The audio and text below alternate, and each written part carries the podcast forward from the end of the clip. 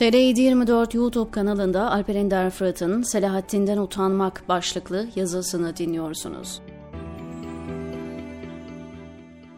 Gazze saldırıları sırasında Kudüs Fatihi Selahattin Eyyubi'nin isminin sıklıkla anılması bazı Kürtleri çok rahatsız etmişti. Selahaddin Eyyubi'nin ismi İsrail ile Kürtlerin aralarını bozmak için kasıtlı olarak gündemde tutuluyor iddiasındalar. Sanatçısından siyasetçisine, ''Ey Kürtler, Filistin meselesinden size ne, siz kendi derdinizle ilgilenin.'' diye çağrı yapanları, İsrail'le aramızı bozacak tavırlar içine girmeyin şeklinde nasihat edenleri her mahallede görür olduk. İsrail'in bir Kürt devleti kuracağı umudunu satın alan Kürtleri, hele de aklı başında olduğunu düşündüğüm isimleri gördükçe ürpermiyor değilim. Kürtlerin yoğun olarak yaşadığı coğrafyalarda İsrail ve Kürt bayraklarının yan yana açıldığı fotoğraflara çok fazla rastlar olduk.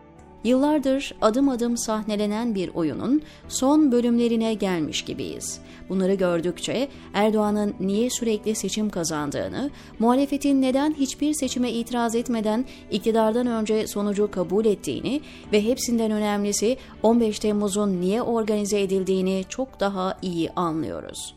Bu tezgahı anlayabilmek için AKP-MHP iktidarına ülkeyi kimin götürdüğünü hep hatırlamak, hiç unutmamak gerekir. Hatırlayacaksınız, özellikle Necdet Özel'in Genelkurmay Başkanlığı döneminde PKK çok büyük darbe almıştı ve kan kaybından ölmek üzereydi.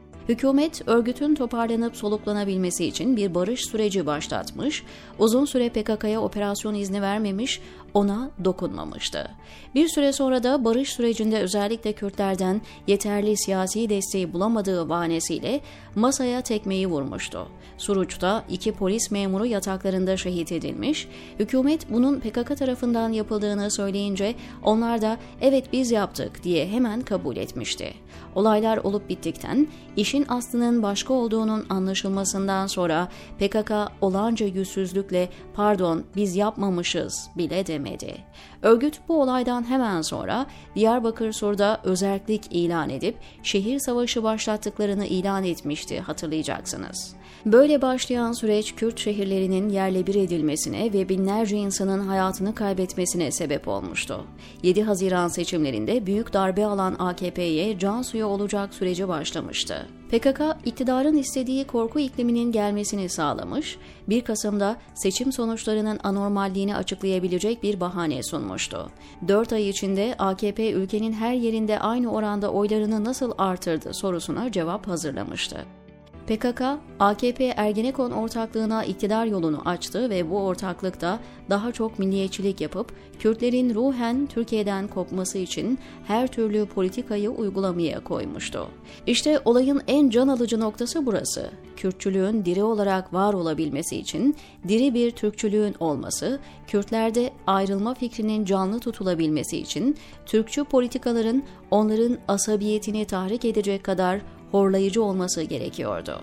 Kürtlerin mutsuz olmaları ne kadar sağlanırsa, ne kadar itildiği hissettirilirse ayrı devlet olma fikri o kadar yaygınlaşırdı. Korkarım ki bunda başarılı oldular. Aklı başında, oynanan oyunun farkında olduğunu düşündüğüm aydınlarda bile bu duygunun hakim olması, oynanan oyunun başarısını gösteriyor. 15 Temmuz'dan sonra cemaat bahane edilerek bile isteye devletin çivisinin çıkarılması, bütün kurumlarının içinin boşaltılması ve sonrasında Türkiye'nin Suriye bataklığına götürülmesi de bu oyunun diğer bölümlerinden başka bir şey değil. Bundan sonraki hamle Türkiye'nin başarısız olacağı bir savaşa sokulması. Psikolojik altyapı yeterince hazırlandı. Öyle ki Kürtler İsrail ile aralarını bozar diye Selahaddin Eyyubi ile bile anılmak istemiyor artık, diyor Alper Ender Fırat TR724'deki köşesinde.